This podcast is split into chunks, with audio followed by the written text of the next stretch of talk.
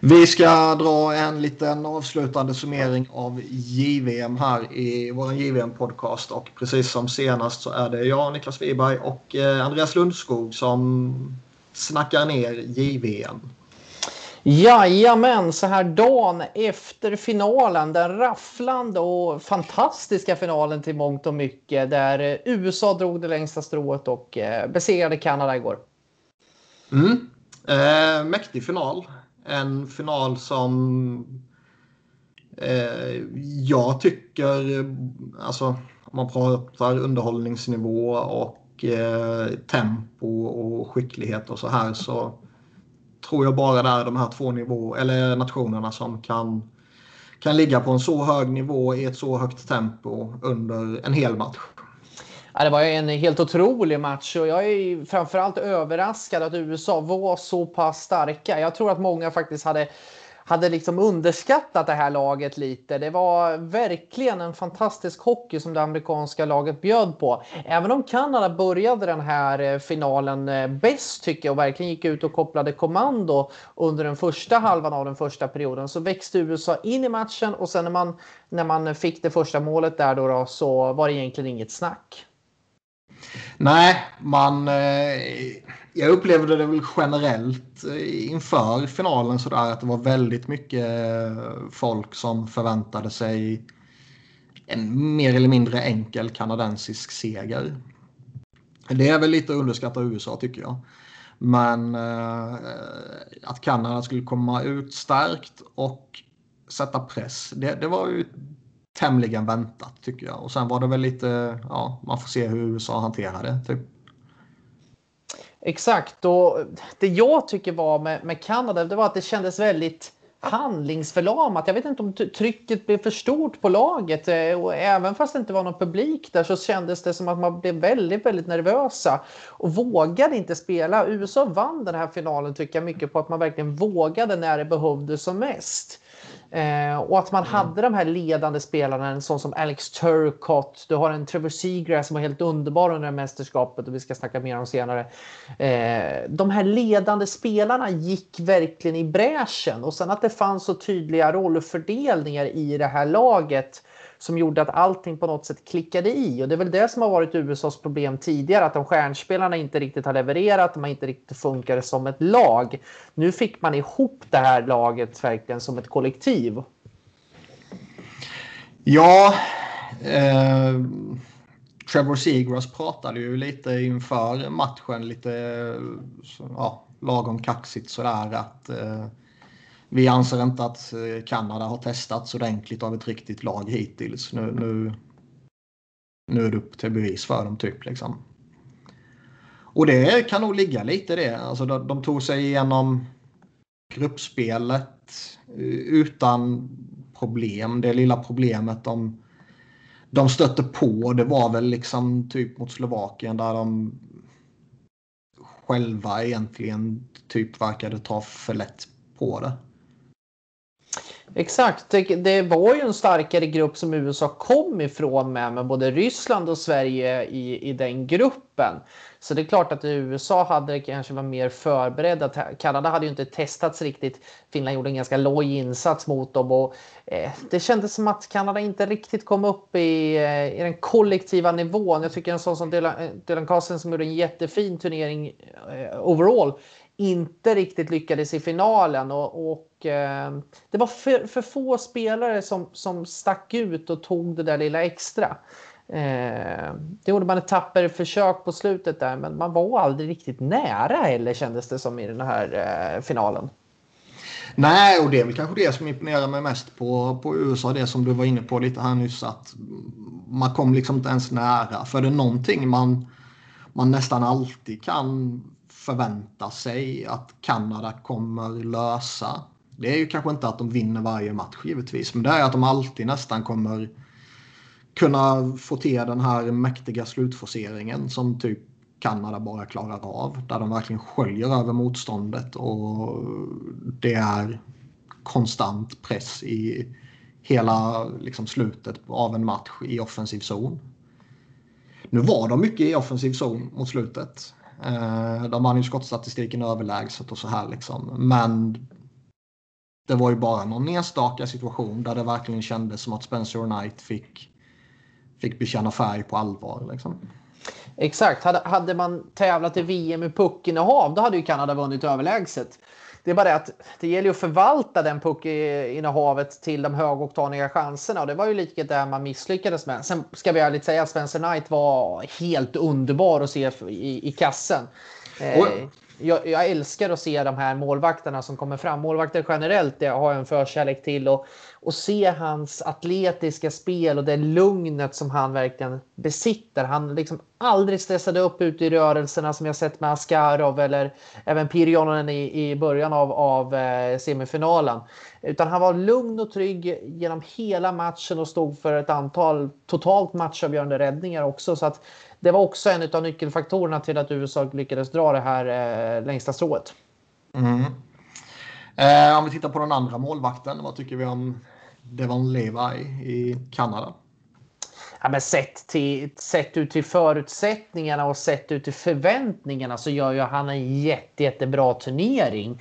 Alltså han var ju inte ens, när, när det här kanadensiska laget började samlas i, i augusti där den första uttagningen skedde, han, han var ju inte ens med på tal om att gå in här nu. Men sen hade man ett coronautbrott, jag tror det var två målvakter som försvann ifrån truppen.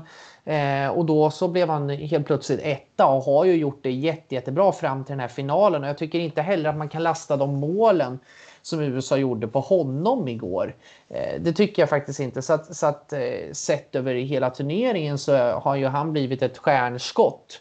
Sen ska det bli intressant. Båda de här målvakterna är ju för övrigt draftade av Florida, så det ska bli intressant att se hur de kommer att utmana varandra där. Eh, som också har en Boborowski på ett långt kontrakt där. Men, men eh, vem som kan ta det längsta steget. Man kan ju gå in och göra ett storspel under turneringen, men det ska bli intressant att se hur man kan förvalta det här över tid. Ja, vi har ju relativt ofta ändå sett eh, spelare som kommer in och gör det väldigt bra eller till och med dominerar ett JVM bara för att sedan inte bli någonting om man pratar blir någonting på den absolut högsta nivån. Och det är ju som sagt återkommande fenomen vi ser. Det skulle, jag skulle inte bli ett dugg chockad om Devon Levi blir en, en sån spelare. Exakt. Eh, det, där känns det som att Spencer Knight har eh, liksom en, en större alltså högsta potential att kunna nå och framförallt en kontinuitet att kunna nå i sitt spel. Han känns som ett, som ett bättre prospect där, he, helt klart. Mm. Eh, och det ska bli intressant hur, man, hur, man, hur Dimon Levi förvaltar den här, eh, det här mästerskapet. Men det är klart att han måste ha fått en rejäl energiboost av allting. Även om det blir förlust nu i finalen. Men att han kan ju verkligen gå med huvudet högt eh, efter förutsättningarna. Jag läste faktiskt inför ja. den här finalen Eh, en jätteintressant intervju med honom eh, där han just pratade om att just de här eh, otroliga förberedelserna som var inför där Kanada samlades väldigt tidigt och så fick man ett coronautbrott samma dag som man skulle få släppas ut till från den här karantän. Samma dag fick man åter, återvända i karantän så att efter att ha suttit i 14 dagar, ja, då skulle man få komma ut och så blev det 14 dagar till helt plötsligt. Att, att mentalt klara av det. Och sen att verkligen gå ut och leverera i den här turneringen. Det är ju oerhört starkt. Så att, nej, jag är imponerad av hans insats under turneringen. Men jag tror att eh, Spencer Knight över tid kommer att bli en större målvakt. I NHL. Ja. ja. Eh, det är väl lika bra att vi går in på Trevor Seagrass. Absolut. Han, eh, ja, han blev ju utsedd till eh, MVP här i Eh, i mästerskapet som, som media då röstar fram. Han blev ju även inröstad i All-Star-laget som media också röstar fram. Däremot blev Tim Stützle utsedd till bästa forward när IHF själva delar ut sina utmärkelser. Ja, oerhört märkligt av IHF faktiskt. För att han var ju fullständigt briljant under den här eh, turneringen. Alltså, han är, det är ju nästan som en trollgubbe som åkte runt på isen. Jag gillar hans stil. Han är lite småkaxig. Håret fladdrar lite överallt. Och, och eh, han har en unik stil och unikt profilerat verkligen. Eh, och sen på isen, snacka om att fullständigt leverera. Alltså det var eh, så enormt sevärt. Och, han var ju väldigt bra på JVM redan han i, under förra året, där, där du också var bevakade mm. i Tjeckien. Det han gjorde i år, som jag har pratat om tidigare i förra avsnittet i podden, att han växlade upp ytterligare en dimension i sitt spel och framförallt i sitt skytte. Eh, där var han ju ja, vass. Han var ju den där superframspelaren förra året. När han eh, samlade assist efter assist och, och flera av dem var eh, verkligen ur den högre skolan. Liksom. Det man var lite frågan till inför det här mästerskapet som jag minns inte om vi nämnde det i förra JVM-podden eller om vi har pratat om det i NHL-podden där vi också har snackat JVM. Men liksom att frågan var ju om han kunde steppa upp med sitt målskytte också. Det var ju förhandsfrågetecknet. Och där levererade han ju sannerligen.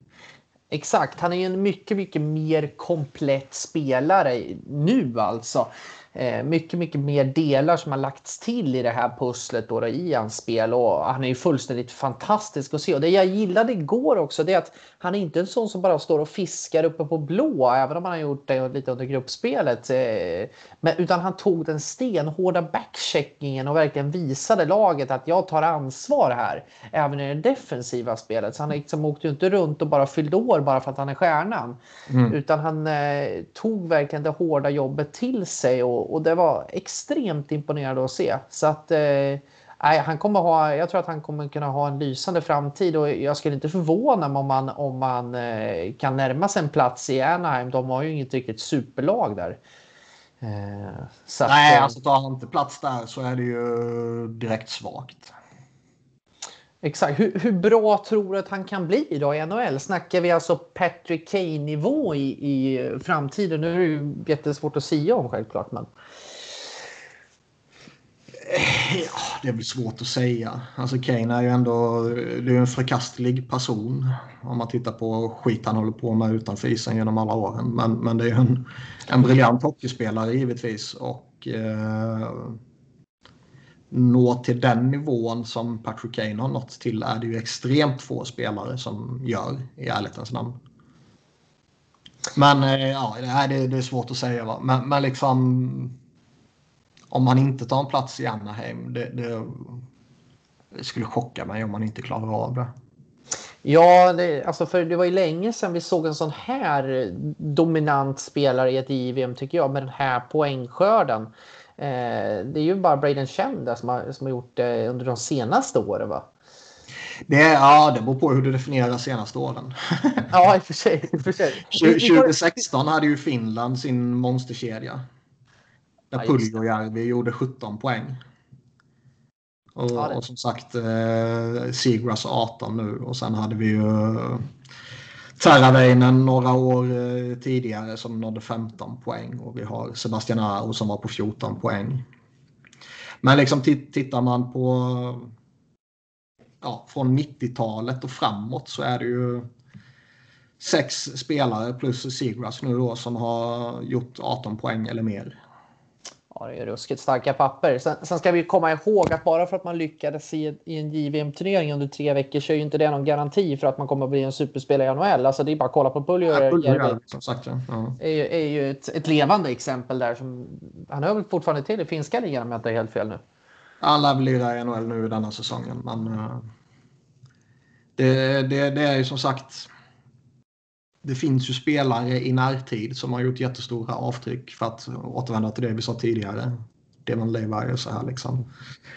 Vi bara kolla på Puljujärvi. Vi har Cody Hodgson som uh, gjorde en mäktig uh, turnering för uh, ett tiotal år sedan också och som ja, inte blev ett skit. Exakt, så att det, men det, det, ska bli intressant att se Seagrass eh, utveckling här framöver verkligen under de närmaste åren. Och han var en eh, värd, om det nu hade funnits en trepeng så hade han eh, varit värd i varenda krona och se, se den där eh, hockey-IQn och det spelsinnet. Och det är det här som är så kul med JVM att man får se de här unga entusiasmerade spelarna som bara går ut och kör och bara lyser av, eh, av spelskicklighet. Det är superkul verkligen. Det blir lite ett annat spel. Det blir det ju när de, eh, de är inte söndercoachade. De har lite den här eh, naiva inställningen att man alltid kan gå för det. Och, eh, inte bara Seagrass här utan generellt sett. Man kan se en, eh, Ville Heinola börja eh, dribbla eller djupt ner i egen zon. Mm. Som, liksom, gör du det i NHL så blir du hängd. Liksom. Exakt, då hade hårtorken varit eh, brutal av, av eh, coacherna där NHL. Ja, typ. Definitivt liksom. Så att, eh, nej, det, det är det som är skärmen med den här turneringen. Och det var ju flera spelare som stack ut om man, om man ska se det så. Det var ju flera spelare som verkade eh, leverera. En som jag vill lyfta fram det är ju Anton Lundell i det finska laget. Eh, detta Finland som faktiskt fällde den ryska björnen i eh, semifinal eller i bronsmatchen under gårdagen och verkligen visade prov på ett enormt finskt sisu. Eh, för tittar man på truppen så hade man ju, var de ju i princip utdömda inför. Ja, på förhand var det väl... Eh, alltså det var väl de och, och Sverige som någonstans man kunde klumpa ihop i någon gemensam lite eh, grupp bakom de tre stora nationerna. Och Exakt. De visade ju i allra högsta grad att de sannoliken kunde växla upp när man behövde växla upp. De tog sig igenom gruppspelet på, på ett rätt pliktskyldigt sätt sådär och sen så var man inte i närheten av att kunna hota Kanada i sista matchen. Sen då så... Ja. Första perioden mot Sverige var väl inte den bästa direkt men sen så sköljde man ju över Sverige som, som ingenting i kvarten. Uh, och vände det. Och sen så semifinalen är väl liksom det såg ändå ut som att de skulle ta den till förlängning. Mm. Och eh, som sagt med tanke på vad, vad USA visade upp i, i finalen så får man nog hålla den där semifinalprestationen av Finland väldigt högt ändå. Att de ändå pressar USA in i slutet. Verkligen, alltså det var verkligen en, en superinsats och jag är jätteimponerad också hur man tog sig an matchen mot Ryssland igår också. Det var är fantastiskt att se det finska laget och, och eh, framförallt Lundell som har varit någon form av lok i det här eh, laget tycker jag och verkligen lätt och var, visat vägen hela tiden Eh, med sin leverans. Ja, både han och, och Heinola som vi nämnde tidigare har ju varit Ja, men de har ju steppat upp och visat att dina bästa spelare behöver vara just bäst. Om ett land som Finland eller Sverige som jag tycker kan vara jämförbara när man liksom när man inte kommer med en gyllene årgång utan kanske kommer med ett lite svagare lag men med vissa extrema spetskvaliteter. Då, då måste de bästa steppa upp på en väldigt hög nivå om man ska kunna mäta sig med liksom, Kanada och USA som ofta kommer med en väldig bredd i sina lag och, och Ryssland som kanske kan vara någon form av mellanting mellan de två grupperna om man säger så. Men, men, vad tror du att det gör? Det är en ganska intressant frågeställning. Att det gör att Finland får leverans, att Finland får kollektivet att funka, men att Sverige inte fick det på riktigt samma sätt. Alltså tittar man på spelartrupperna så alltså, är det ju inte jättemycket som skiljer alltså i, i, individuell skicklighetsnivå. Nej, alltså jag vet inte det, det, det, är ju oundvikligt att kommentera den uh, svenska insatsen utan att slänga upp liksom typ sju, åtta fullt legitima bortförklaringar som har att, att göra med alltifrån uppladdningar med eh, förbundskapten och andra inkörda ledare som försvinner till ersättare som är eh, helt oerfarna till Eh, en första center som försvinner till eh, att första centerns förmodade ersättare också försvinner till att lagkaptenen går sönder och är en, en skugga till vad han borde vara liksom och så vidare och så vidare. Men, så det, det är liksom svårt att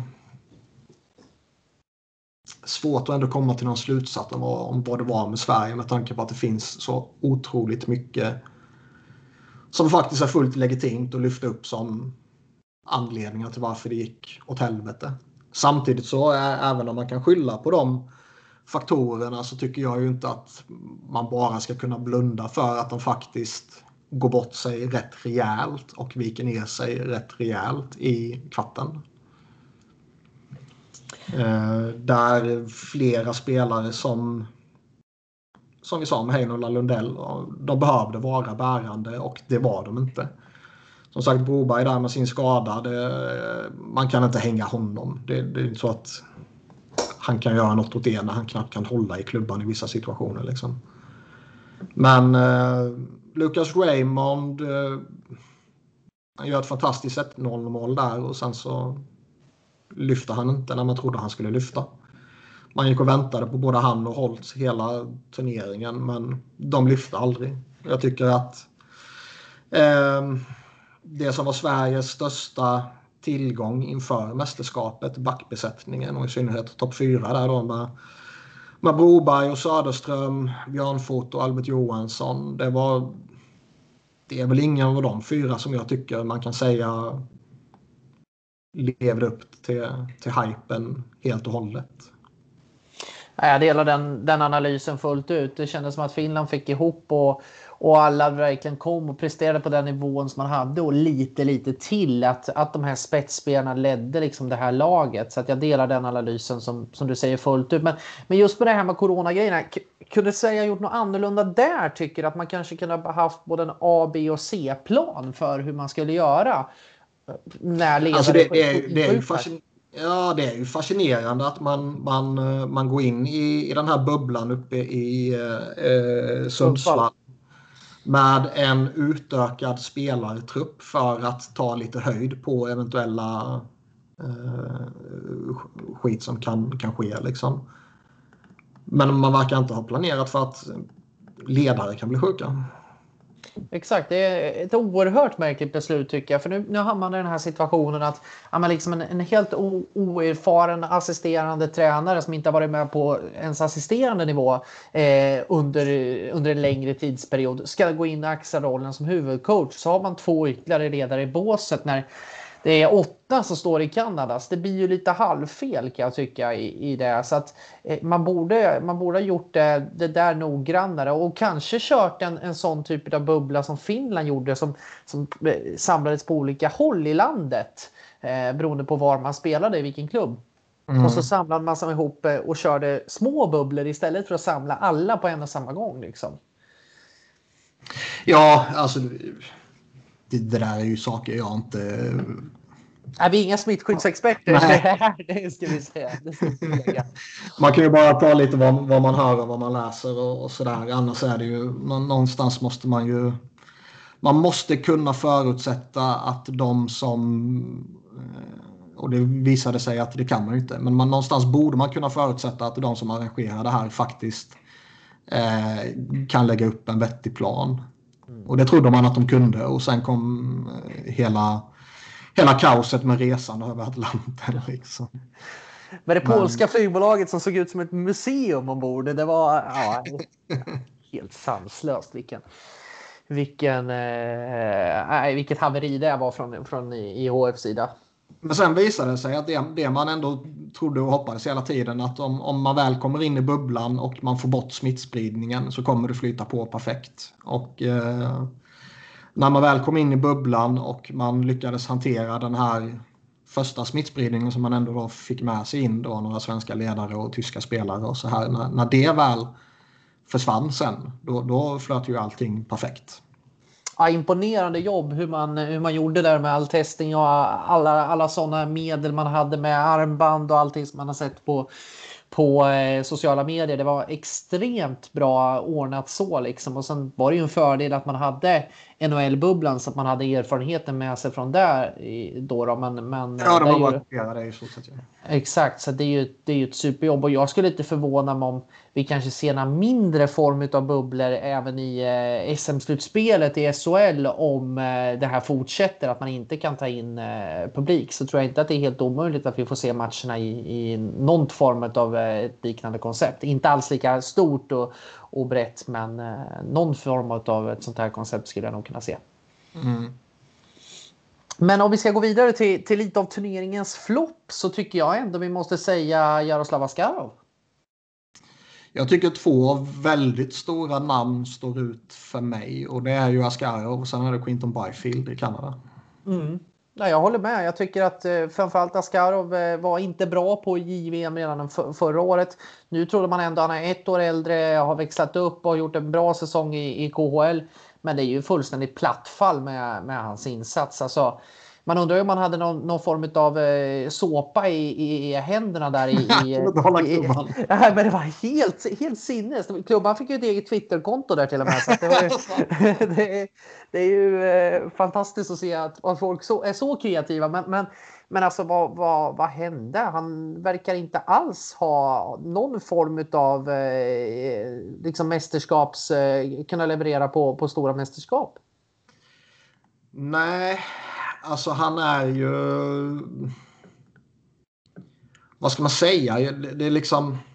Det var ju inte bara det att han inte var jättebra. För, för det, man, man, kan ju vara besvikelse på olika nivåer. Ibland kan man ju ha en, en, eh, en jättestor talang som bara är okej okay, och då är han en besvikelse. Men jag tycker ju Askarov är på gränsen till dålig.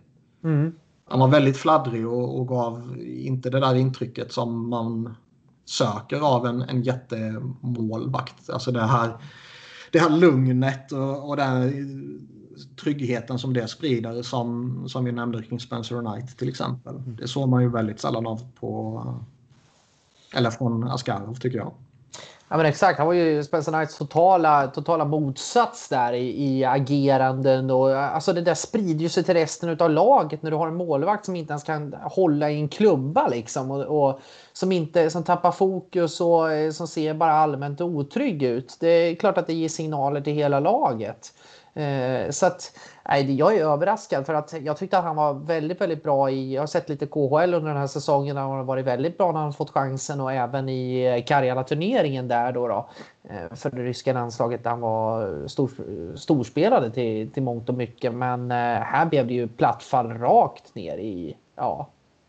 Det är överraskande att se, men eh, ja, undrar hur Nashville känner där. Tror att han har potentialen att kunna nå nå något stort om vi går in på, eh, på den potentialen som Levi och eh, Knight har.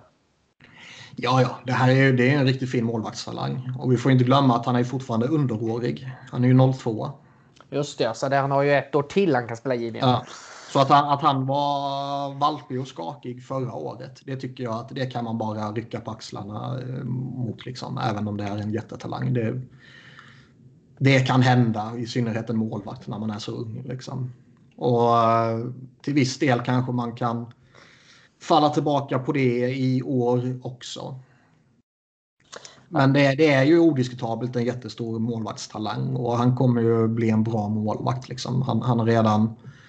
Visst, nu är det ju bara eh, väldigt få matcher han har spelat i KHL och det är i ett powerhouse. Men det är ju en fin målvakt. Det har han visat återkommande. Liksom.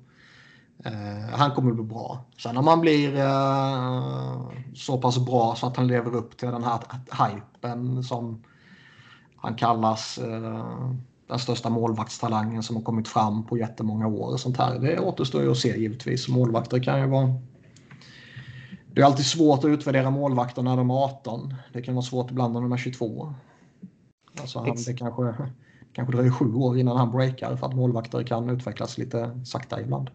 Exakt, och vi har ju sett en sån som, eh, det var Malcolm Subban som, som också eh, uttalades som en jättestor talang men har inte alls levt upp till de förväntningarna. Så att exakt det här på, på samma sätt som utespelare så betyder det ju inte att, att bara för att du är bra i ung ålder att du, att du eh, kommer bli en storstjärna. Det är mm. ju eh, framförallt på målvaktssidan där det är många, många late bloomers som har kommit fram under, under de senaste eh, åren här nu också. Så att ja, eh, besviken faktiskt kring hans eh, turnering och det är ju besviken. Det får ju också sammanfatta eh, Quinton Byfields eh, turnering. Ja,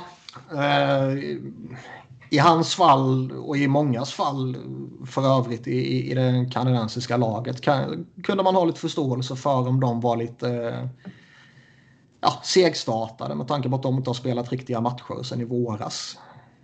Eh, det pratade vi om i förra avsnittet att mm. Eh, den absoluta majoriteten av spelarna har ju, har ju inte lirat någonting eftersom juniorligorna har haft eh, paus den här säsongen. Då. Eller flera av dem.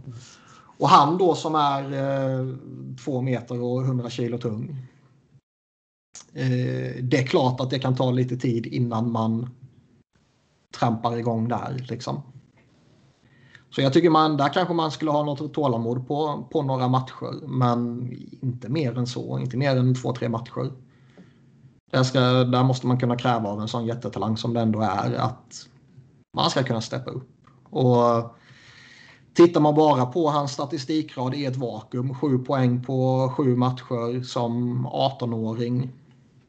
Ja, det kan väl se okej okay ut liksom. Men eh, alla poäng kom ju nästan i en och samma match. Mm. Och i övrigt var han eh, ja, blek, dålig. Exakt, jag, jag tyckte framförallt att hans kroppsspråk var extremt dåligt extremt, såg väldigt, väldigt loj ut i sina ageranden och såg inte alls den här glöden som man såg på de andra stortalangerna liksom. Så där är jag ruggigt, ruggigt besviken faktiskt. Så att han, han kan nog gå rejält, inte bara med att de förlorar finalen, han måste vara rejält missnöjd med sin egen insats. För det var också ett rejält mm. platt fall. Där hade man ju liksom förväntat sig mer. Ja, verkligen. Uh, han var ju också lite som Askarov. Han var ju också med förra året och han är ju också 02, eller ja 02 då liksom. Uh, han var också väldigt anonym förra året, men det kan man väl då skaka, skaka av sig lite med att han var väldigt underhårig då. Men jag hade förväntat mig mer av honom, framförallt med tanke på lite draftposition här i, i höstas alltså och här också när han gick tvåa till Kings. Det, det var en liten besvikelse. Men det är som sagt det, det är fortfarande en jättefin talang som jag är helt övertygad om kommer bli en bra NHL-spelare. Så. Ja, det ska bli intressant liksom och det är klart att det måste svida med den eh, finalförlusten för Kanada någonting enormt. Men om du skulle sammanfatta det här mästerskapet, om vi skulle ta ut våra egna eh, All Star-lag, hur ser de ut? Hur röstade du igår? Jag röstade ju, eh, ja det, det ska väl sägas att akkrediterad media får ju rösta då och rösterna ska ju vara inne senast eh, den första periodpausen i finalen. Vilket ju allt alltid är lite... Alltså i en turnering som sträcker sig över sju matcher så påverkar finalen rätt jävla hårt på hur både MVP och, och laget kan se ut. Tycker jag. Mm, exakt. Men jag röstade ju på eh, Devon Levi i, i kassen. Och även om han förlorade finalen och Spencer Knight var överjävligt bra i finalen så tycker jag ändå att man även i efterhand kan, kan motivera för eh, Levi. Med tanke på att han kom, som vi var inne på, han kom från ingenstans och, och övertygade jävligt hårt. Och det var inte hans fel att finalen gick som det gick. Jag håller med helt i, i den analysen. Jag tycker att eh, Levi var, verkligen kan gå med, med, flaggan i topp från det här mästerskapet. Sen, sen är ju Spencer Knight en otrolig målvakt så jag, jag, kan knappt inte välja. Där får man nästan Nej, är det någon som vill argumentera för Spencer Knight så är ju det fair om man säger så. Exakt med den, med den prestationen. Hade, jag säger så här. Hade man sagt det innan finalen då hade jag nog tagit Levi. Men hade jag satt det efter finalen så sätter jag nog ändå Knight. Jag tror, skulle man röstat eh, efter finalen då tror jag nog att jag skulle landat i Knight också. För, för den prestationen han gjorde där då med, med de räddningar och, det, och det trygg, tryggheten som han spred så är, väger det lite tunga på vågen. Men Levi faller med, eller eh, faller ska vi inte säga, men han, han tar med sig flaggan i topp från det här mästerskapet. Helt klart. Oh ja, oh ja. Om vi tittar på backsidan då. Jag tycker väl att det är tre backar som är eh, aktuella och ingen annan.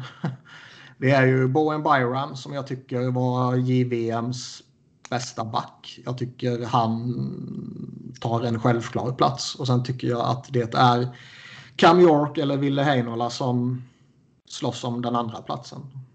Och eh, jag kanske är färgad av mitt Flyers-hjärta men jag väljer Cam York och jag har ingen, ingen skam i att erkänna det. Men, men, det får du göra. men, men jag, eh, jag tycker han visade i finalen liksom hur jävla bra han var. Han var bra genom hela mästerskapet, men, men jag tycker verkligen, och återigen lite det som vi pratade om kring, kring Heinola och, och Lundell också, liksom, att den bästa spelarna måste steppa upp. när det betyder som mest och det tycker jag verkligen han gjorde i finalen. Och eh, är man kapten och bär sitt lag till final med en stark eller till guld med en stark turnering och en väldigt fin final. Så eh, tycker jag inte det är så vidare kontroversiellt att peta in han i Alstra-laget. Nej, det tycker inte jag heller faktiskt. Han var, han var ruskigt bra under hela den här turneringen och framförallt hade den kontinuiteten under hela mästerskapet och allt det levererade. Gjorde knappt ett dåligt byte vad jag nästan kunde se. Eh, jag har, håller ju Bowen Byram som den absolut största stjärnan under det här mästerskapet på, på backsidan. Han var fullständigt dominant tycker jag i, i, eh, i USAs backuppställning. Det var, eller Kanadas. Så det var, det, där är han eh, självklar i, i den.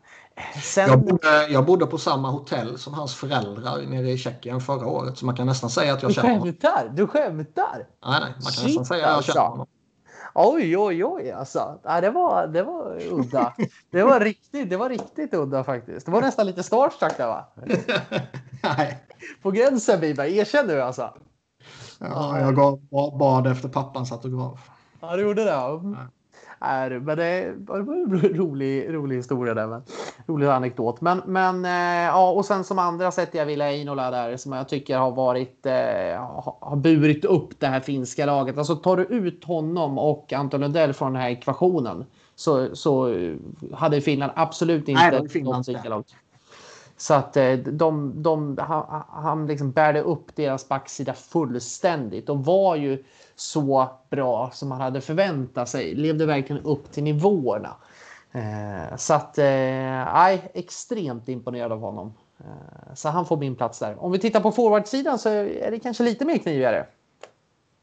Ja, ehm, jag tycker ju två, två spelare tycker jag är man kan inte argumentera för någonting annat än att de ska inkluderas. Så det är ju givetvis eh, Trevor Seagrass och eh, Dylan Cousins då såklart.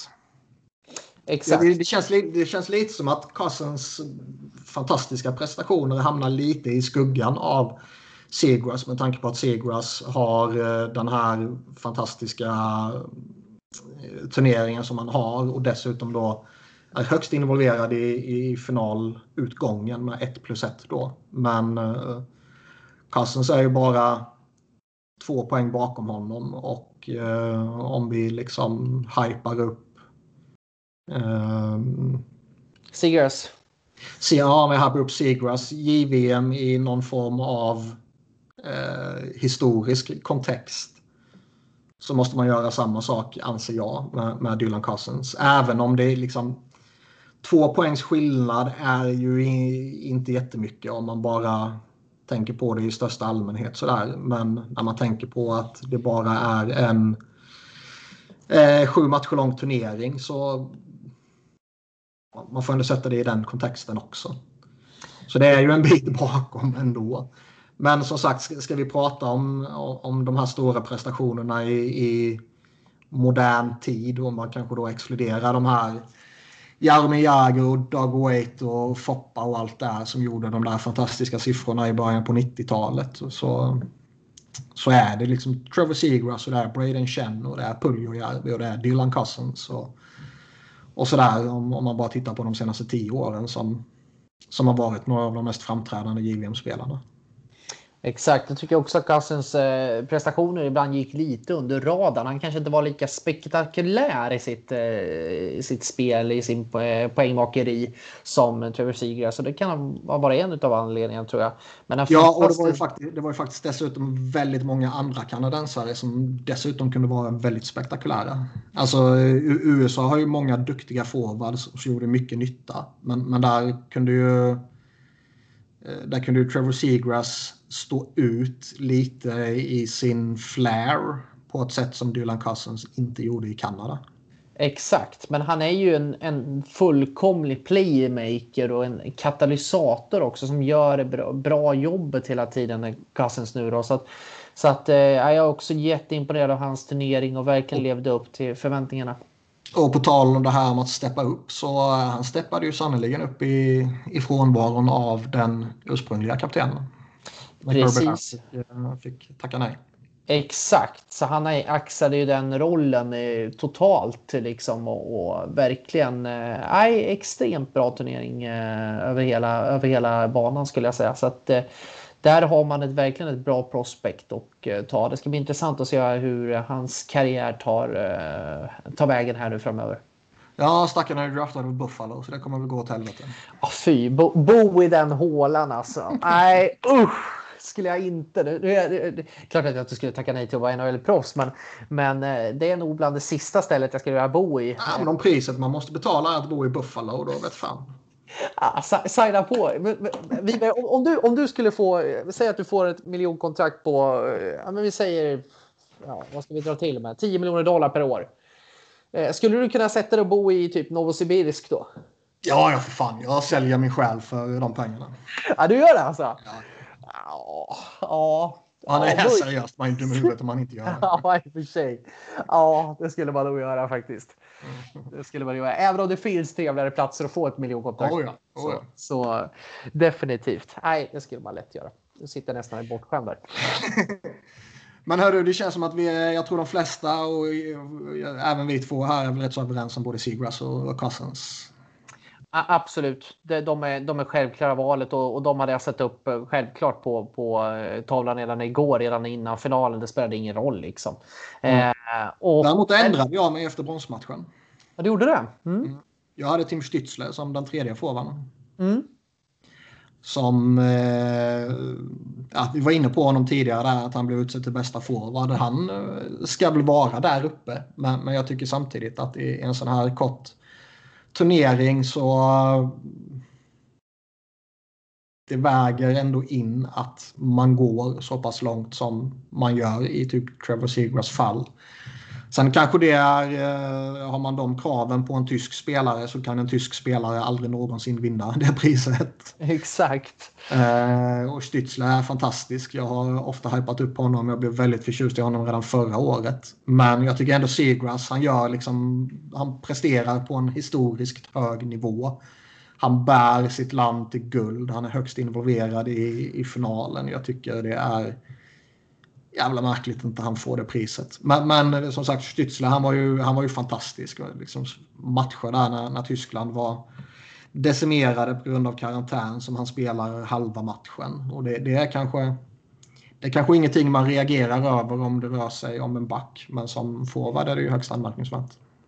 Exakt. Hade, hade han spelat i Kanada, han hade ju kunnat kommit upp på samma nivå som Trevor Seagrass. Det, det, det, hade han lätt kunnat gjort och kanske till och med över den eh, kapaciteten om man ser det. För, för som det tyska laget, de hade tre bra spelare där i eh, Elias, eh, John Jason Peterka och så han då. Alltså det var ju fullkomligt magnifikt att, att se se de tre. Eh, så att hade han fått en lite bättre omgivning, eh, alltså rent allmänt på det tyska laget och kanske inte behöva spela liksom eh, en halv match där man åker och förlorade med 16-1 eller 16-2 blev det Så att mm. det är klart att han hade kanske kommit upp i de här nivåerna. Jag är nästan övertygad om det om man hade. Det skulle ju varit jävla spännande att se vad tyskarna skulle kunna gjort med Moritz Seider och Lukas Reichel. Ja, det hade varit ruggigt intressant för att det här tyska laget kändes på gång där. Men så fick man det här totala de ja, ja, men de gör ju ändå en bra kvart extremt bra kvart där Ryssland var riktigt, riktigt illa ute. Och det var så starkt det här tyska laget att, att ta sig igenom den där skiten med coronan och man hade knappt ett lag att ställa upp med. Man hade 14 spelare i, i matcherna mot Kanada och blev fullständigt eh, ja, sönder, eh, alltså motorsågade fullständigt. Ja, andra matchen i en back-to-back dessutom. Exakt, det är inte det, det, måste vara mardrömsscenario liksom som du ens kan få liksom. Det största mm. mardrömsscenariot du kan få. Men eh, de tog verkligen hornen och, och eh, avsluta med flaggan i topp verkligen. Och eh, Stützle ska bli ruggigt intressant. Jag pratade faktiskt med Niklas Eriksson som är huvudtränare för Örebro här. Eh, när jag berättade tillbaka JVM också. Han sa ju det första frågan han hade. Har du sett Tim Stützle? eh, det, var, det var liksom första liksom eh, icebreaker när jag, när jag började prata JVM. Och, och just den här alltså spel, alltså den här frenesin, blicken för spelet, hockey-IQ som han besitter. Det är otroligt och den skridskoåkningen också. Alltså, det är ju fullkomligt bländande. Han är ju, det är ju OS-klass på den. Ja, nej, det ska bli mycket fascinerande att följa honom här också. Men han, som sagt, lite som Dylan Cousins kan, kan få motgångar i Buffalo så Tim Stützle är ju draftad av Ottawa och där kan det sannerligen gå åt helvete för spelare. Ja du, det är, det är också inte ett ställe man, man vill vara om man ska göra en karriär just nu. Mm. Det samtidigt, har, samtidigt har ju Sabres då, eller förlåt Senators, har ju samlat på sig en jävla talangpool här de senaste åren. Nu kan de ju absolut eh, ställa till det och inte få ut någonting av den. Men eh, utvecklas man tillsammans och tar lite fart här så inom en inte alltför avlägsen framtid så kan eh, Ottawa bli både sevärda och farliga. Exakt, och det, det, som är fördelen med att komma till ett sånt här lag det är väl att du faktiskt har möjlighet i en speltid, en ganska hög toppkedja. För det är det ju mm. inte om du kommer till, till, ett, till ett bättre lag. Då, då är det ju svårt redan alltså i tidig ålder att få, få axla den rollen. Eh, alltså säg att du kommer till ett topplag som typ eh, Dallas eller Tampa Bay eller någonting så. Det är ju ganska svårt att ta Eh, Eh, och utmana de här toppspelarna i det. Så att det är väl den enda fördel jag kan se med att hamna i Ottawa. Eh, det, det är det och det ska bli kul att se hur, hur han kan ta steg här framöver. Så att, eh, en superbra spelare och supersevärd att se verkligen. Eh, om man tittar på den som jag hade, jag, jag stod i valet på kvalet där. Jag kunde knappt inte bestämma mig om jag skulle ta han eller Anton Lundell. Ja, jag, jag bytte ju efter bronsmatchen. Jag hade ju Stutzle till att börja med som sagt. Men sen så petade jag undan honom och petade in Anton Lundell efter bronsmatchen. För att jag tycker att han var Ja, nej, han var så pass drivande i bronsmatchen att det fällde avgörandet. Ja, men jag, jag håller med där. Alltså, det var ju tack vare eh, honom och Heinola att, att Finland gick så här långt i mångt och mycket. De är liksom loket, axlar allting liksom och, och verkligen levererar när det behövs som mest. Så att, Nej, en superturnering från, från Anton Lundell och, och Ville Heinola. Eh, och det, Anton Lundell har ju gjort det riktigt, riktigt bra i, i den eh, finska ligan också under den här säsongen. Och börjar ju kännas, jag tycker att Anton Lundell känns som en färdig seniorspelare, alltså att han kan axla den rollen. Han känns inte som en juniorspelare nu. Utan han känns så mogen i sitt spel att han nog skulle kunna gå in och ta en roll i Florida redan nu. Så är det ju. Alltså, han gör ju faktiskt sin tredje seniorsäsong. Så jag menar, det, han är ju etablerad senior. Mm. Om man bara tittar på liksom, ligatillhörighet så att säga. Mm. Uh, ja, jag, jag, jag, har inte sett om det har pratats någonting om ifall han ska ansluta till Floridas kamp här nu eller om han ska hem till Finland. Men uh, det, det, är ju definitivt någon som om jag är Florida ska vill testa liksom. För Florida har ju hamnat i en lite speciell situation där också just nu i och med att deras AHL-lag Charlotte Checkers inte kommer komma till spel i AHL den här säsongen. Så att det är frågan om man väljer att plocka över dem redan, Anton Lundell redan nu och då ha honom i, i, eh, i ehm, Florida Panthers eller om han kommer lånas ut till en annan AHL-klubb eller om man eh, kommer att ha honom kvar i Finland. Det är de tre alternativen som man kan se finns. Ja, och jag kan tänka mig att då blir det nog NHL eller Finland. Mm, exakt. Så där är det ju eh, ja, intressant situation för, för hans del. Men eh, nej, det känns som att han, han skulle nog lätt kunna gå in i Floridas uppställning och göra det ganska bra. För han känns inte som det känns som att han kan axla egentligen alla roller i ett lag. Han kan både vara den här katalysatorn som jobbar hårt och bidrar med energi och, och pucklar på och är fysisk och jobbig att möta samtidigt som man har en, en spelteknik som gör att han kan spela i någon av topplinjerna. Kanske inte redan nu, men, men så att han känns som en väldigt liksom, allround spelare i, i det sättet. Absolut. Så att eh, ja, jag sätter nog också upp honom där. Jag tror jag byter också ut eh, Stützle mot, eh, mot Anton Lundell faktiskt. Mm. Eh, har vi något mer vi vill eh, summera? De andra nationerna känns, ja det är kanske Ryssland om man ska säga någonting om utöver Askarov, men de, de var väl li, lite besvikelse var det ju. Det kommer man inte ifrån. Jag hade lite högre förväntningar på eh, deras toppspelare. Jag tycker Podkolzin, han lyfte inte riktigt. Sen, sen var han väl inte dålig, men Nej, och det jag börjar fundera med honom, är han verkligen en, en riktig poängspelare på samma sätt? En utpräglad poängspelare som till exempel de andra? Som ja, han har ju aldrig varit ju. Nej, exakt. Så det känns som att han... Eh, det, det, känns som att eh, men han kom inte riktigt upp i nivå även om han försökte leda det här ryska laget. Och så känns det som att det blev på något sätt något lite pyspunka. Det blev så ojämnt i, i energinivån från det ryska laget. Ena stunden kan man gå ut och köra över eh, som till exempel Sverige eh, och fullständigt eh, köra över dem och sen så falla helt platt i, nästa period. Så det fanns ingen form av kontinuitet. Det var extremt höga toppar och extremt låga dalar. Och det är det jag tycker man och De där topparna är ju liksom nu efter finalen så, så har ju även USA visat en extrem högsta nivå. Men innan finalen tycker jag ju bara det var Kanada så, och då Ryssland som hade visat en, en väldigt hög högsta nivå. Mm. Sen lyckades ju Kanada bibehålla den högsta nivån över väldigt stora perioder av i princip alla matcher de spelade. Medan mm. ryssarna bara kom upp i det i, i lite sekvenser här och där som du var inne på. Mm. Och det är väl det som blev deras fall. Men jag tycker ändå att jag tycker det här man på något sätt har startat med Igor Larionov som coach, att man har ett lite mer mänskligare syn på allting. Det är inte den här, det är klart att det är strikt hierarki, det är Ryssland vi talar om, men det, det, är ju inte det, är ju inte det här inte det här braggen som fullkomligt liksom kunde, kunde vara en mardröm för spelare vad, vad jag hört, man har hört skräckhistorier. Eh, mm. Det känns som att det här det här lite mer eh, inkluderande ledarskapet från Larionov känns ändå som att det är väldigt oryskt och det kommer säkert ta tid att implementera, men jag tror att det kommer växa över tid.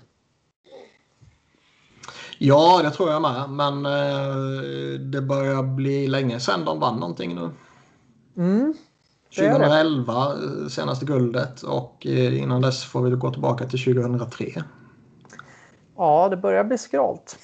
Det är ju USA sitter ju i förarsätet nu om vi tittar på, på framgångarna här de senaste åren. Tätt följt av Finland och, och Kanada om man bara mäter antal guld. Mm. Men, men Ryssland är ju... Jag menar, de är ju på Sverige-nivå. mm. Ja men exakt liksom. Men, men tror att det är att det är många ryska spelare som stannar kvar i, i Ryssland? Att det har en faktor? Att man väljer att spela kvar i KHL? Att man inte åker över till Nordamerika i, i samma utsträckning som kanske de andra nationerna har? Nu är det, nu är det en, en liten halvsvår spaning här, men om det kan vara någonting som det? Jag vet inte. Alltså jag har ju eh, ingen koll på den ryska utbildningen. liksom. Eh, det man kan säga är att KHL ofta kan vara en svår liga att sätta i relation till NHL. Där vi återkommande ser toppspelare i KHL flytta över till NHL och misslyckas kapitalt. Artemi Panarin är ju ett gyllene undantag. Liksom. Mm. Eh, samtidigt kan vi se synnerligen mediokra NHL-spelare flytta till KHL och bli ledande spelare där. Mm. Det är, ju, det är ett stort steg däremellan. Det, det är ett extremt stort steg. Eh, men Ryssland får faktiskt börja fundera nu på hur man ska kunna utveckla det här. För som du sagt, det var oerhört länge sedan guldet där. Ja, jag skulle väl ge Larionov lite, lite tid här nu. För det som du är inne på, han, eh, han bryter ju lite, lite ny mark känns det som. Och det kanske är det som behövs. Frågan är då om, om, om ryssa, alltså ryska Eh, vad säger man? Förbundet säger man. Ja, exakt. Om ryska förbundet har lite, lite tålamod. Och mm. Det kanske man har för att det är just Igor Larionov. Han är ju... Det är ju typ han, har, han, han har ett legacy, han har ett legacy om man säger så. Han har ett legacy, ja. De, definitivt, så att jag tror att eh, jag tror att man ändå kommer hålla honom kvar i alla fall. Men eh, måste börja, börja leverera resultat nu. Mm. Men om du skulle sammanfatta det här eh, juniormästerskapet, det här mästerskapet, vad, vad skulle du, eh, om du får göra det med, med tre saker som du tar med dig från det här? Man måste ta med sig uh, Trevor Seagrass. Det är ändå i, um, i en modern kontext så är det ett av de mest dominanta mästerskapen vi har sett. Det är uh, en fantastisk lirare som uh, det ska bli oerhört fascinerande att följa här de kommande åren. Se vad han tar vägen i sin karriär. Det är väl det första man tar med sig. Det andra man tar med sig är väl eh, USA som helhet skulle jag vilja säga. Som ändå... Det är lite upp och ner. Spencer Knight blev utbytt tidigt liksom och sen så går han och håller nolla efter nolla efter nolla. Och ja, man gläds ju alltid lite extra när det är en Flyers-spelare som flyttar På sin 20-årsdag gjorde ja, han det. sin 20-årsdag. Det kommer jag ju aldrig ifrån. Ju. uh, Då möts du bra i tv-soffan va? Vad sa du? Då möts du bra i tv-soffan va? Oh ja, oh ja. det tredje man får ta med sig uh, det är väl kanske inte lika uppenbart vad det blir, men Tim Stützle är ju inte långt ifrån. Jag blev lite... Jag ska inte säga att jag blev besviken på honom förra året, men eh, det kändes som att han, han fick inte riktigt ut den poängskörden förra året som hans liksom finlir och fina kombinationer och sköna passningar och playmaking skills och så vidare liksom gav honom möjlighet för. Mm. Då gjorde han ju bara fem assist på fem matcher. Eh, han lyfte sig ju verkligen. Och det är fascinerande att se honom. Det blir ju än mer fascinerande då med tanke på ja, förutsättningar som vi varit inne på med halva laget borta. Liksom. Exakt liksom. Eh, ja, tre bra punkter där. Tre bra puckar tycker du tog där. Eh, jag håller fullkomligt med om Trevor Seagrass. Fantastisk turnering, fantastisk spelare. Det var, det var länge sedan jag blev så bländad av en, av en supertalang faktiskt under ett mästerskap. Det var eh, magnifikt att se. Så att där undertecknar jag allt du har sagt tidigare. Det var eh, otroligt häftigt. Sen tar jag med mig USAs eh, resa genom den här turneringen. Började lite knackigt, växte sedan in och sen så den finalen man gör igår. Det var bland det mest eh, perfekta match jag sett ett lag göra på väldigt, väldigt länge. Eh, det var oerhört imponerande och, och framförallt med den hockeyn de spelar. Att det är frejdligt, det går fort. Det är det som är charmen med hela JVM. Men man visade upp en oerhört häftig och hög toppnivå liksom. Så att mm. USAs resa genom hela den här turneringen eh, och som lag, det håller jag med om. Sen tredje, det måste jag nog säga att men det, man, på något sätt så tar man ändå med sig Sveriges kaosuppladdning. Och den, den konstiga omständigheterna som hela det här mästerskapet spelades under. Vi hoppas ju att vi aldrig på något sätt får, får uppleva det. Även om, även om det inte märktes jättemycket i tv-soffan på liksom underhållningsmässigt så hoppas jag att man att man kan få ta in publik. Du kan ju tänka dig vilken stämning det hade varit i, eh, i Rogers eh, Place där igår då i Edmonton om, om det hade varit fullt. Eh, mm. Eh, om det inte hade varit för den här förbannade coronapandemin och, och just de förutsättningarna som mästerskapet spelades under, det kommer man aldrig att glömma. Eh, samtidigt jag, undrar, väldigt... jag undrar hur mycket man liksom när man blickar tillbaka på detta och alltså om vi om 5-10 år sitter och pratar om ett annat mästerskap och en annan en ny Trevor Seagrass och sätta hans prestationer i relation till vad Braden Chen och Seagrass och Puljujärvi och så vidare har gjort. Liksom. Mm. Kommer man då lyfta liksom att ja men Seagrass han gjorde det under förutsättningar som ingen annan har gjort med bubbla och bla bla bla. Eller liksom är det saker man förhoppningsvis har glömt allt med corona och bubbla och skit då liksom. Ja, det kan ju hända att man totalt liksom att, att det brukar ju, man brukar ju kunna gå och släppa det fort och, och får man ett vaccin på plats här nu och allting sånt. Men det jag hoppas är att, att man får in publiken, får in stämningen, får in alla, alla ja. de parametrarna liksom i, i allting. Sen det sportsmässiga tyckte jag inte man märkte jättemycket på det ute på isen, men, men just allting det här runt omkring hoppas jag att att man eh, får till. För det hade varit bra häftigt att se den matchen, den finalen igår.